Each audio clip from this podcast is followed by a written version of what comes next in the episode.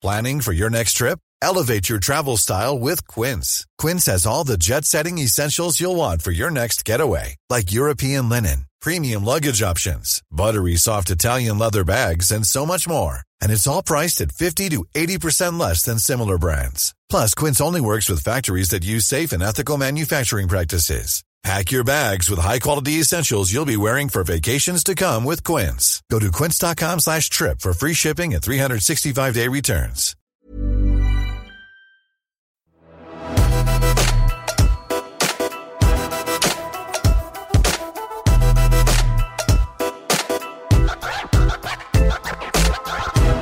Det her er veldig interessant, for nå skal Apple Podcast slutte å bruke ordet abonner, og heller bruke ordet følge, eller follow.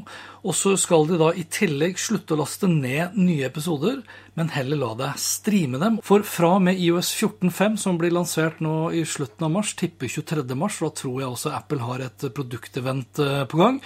Eh, og IOS 14.5 er tilgjengelig nå i beta, så vil de altså da gå vekk fra ordet abonner, altså det å abonnere, og da i Apple Podcast-appen, og heller da begynne å bruke ordet følg, eller da follow, noe som er tilfellet per dags dato for eh, både Spotify, Stitcher og eh, Amazon Music. Mens på Overcast, som jeg da bruker på min iPhone, og Google Podcast, som jeg bruker på min eh, Samsung-telefon, så bruker de fortsatt da ordet 'abonner'. Og det er kanskje ikke alle av oss da, som tenker noe særlig problematisk eh, over det. Men ifølge en undersøkelse fra Edison Research så tror faktisk nesten halvparten av oss at 'abonner' betyr at det er noe som koster. Og det er egentlig ikke så rart. For abonnerer du f.eks.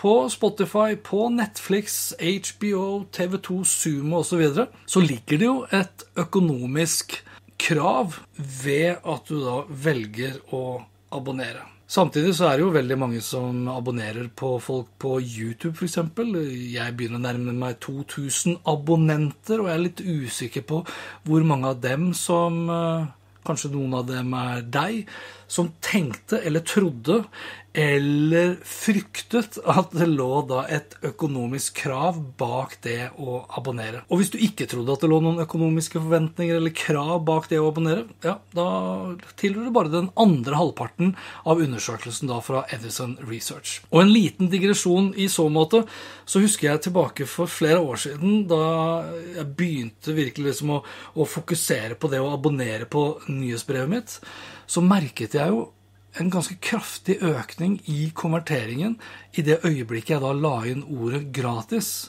Altså abonner på nyhetsbrevet mitt gratis. Og det kan jo være den samme forklaringen til at veldig mange av oss den dag i dag klikker da og faller for disse fristelsene for å åpne Nigeria-brev og andre svindel-e-poster som jeg tenker helt åpenbart burde ringe noen bjeller når folk plutselig har lyst til å gi deg to millioner euro hvis du bare sender dem masse informasjon. Men det er vel den fristelsen da, som er så himla stor, enten ved at du skal få noe uten å gjøre noe for det, eller at du bare får noe helt gratis.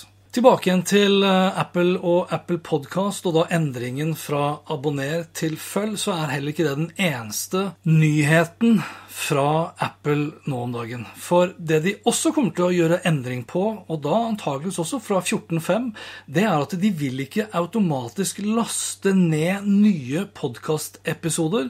De vil istedenfor bli strømmet. Og det her er dødsfett, spesielt for de som da lager en podkast, og for de podkastene som ønsker å tjene penger, så vil de jo få en helt annen innsikt å kunne gi til potensielle annonsører, som er langt mer tydelig og nøyaktig enn bare det å vise litt demografisk informasjon og antall nedlastninger. For nå kan du jo da plutselig få vise tilsvarende kurve over tid, over hele podkastens episode, når og hvor er det lyttere forsvinner? Forsvinner de f.eks. i det øyeblikket det dukker opp en annonse? Forsvinner de etter fem minutter, kanskje to minutter før selve annonsen? Eller blir de med i hele episoden? Det her er vi jo vant med fra Facebook, Instagram, YouTube osv. Og, så og det her som sagt syns jeg er sykt fett fra et podkastperspektiv. Fra et lytteperspektiv så kan jo det potensielt bety at du kommer til å bruke mye mer 4G slash 5G-data på å lytte på podkaster. Istedenfor at podkasten blir lastet ned mens du er hjemme over wifi-nettet, så vil du jo nå risikere å strømme podkaster direkte over mobilnettet. Det er ikke sikkert alle er like bekymra for det, men heldigvis så har jo da Apple selvsagt også tenkt på det. Så du kan, men da må du spesifisere det, velge å få podkastepisoder lastet ned. Nå tror jeg uansett det her er fremtiden, og jeg var helt overbevist om at det ville komme på et eller annet tidspunkt. Akkurat den løsningen hvor nye episoder blir strømmet istedenfor lastet ned. Men personlig så trodde jeg nok at vi ville se en større utbygging av 5G-nettverket før strømming av podkastepisoder ble normalen. Og jeg sier normalen fordi i hvert fall her i Norge, så er fortsatt uh, Apple med da Apple Podcast definitivt den største podkastspilleren i markedet. Det at de kommer allerede nå, det syns jeg faktisk er spesielt med tanke på at det er Apple, for de er de første som gjør det. Og det er jo sjelden, skråstrek aldri omtrent, at Apple er først ute med noe som helst. Så det her kan få ganske store positive følger for podkastmarkedet fremover.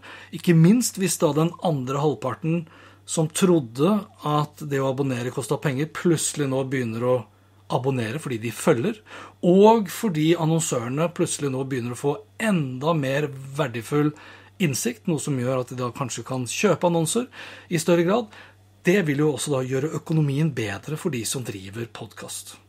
Så det her syns jeg er dritfett. Så får vi bare vente og se da, til det jeg tror blir 23. mars for full lansering av IOS 14.5, og da følg istedenfor abonner i Apple Podkast.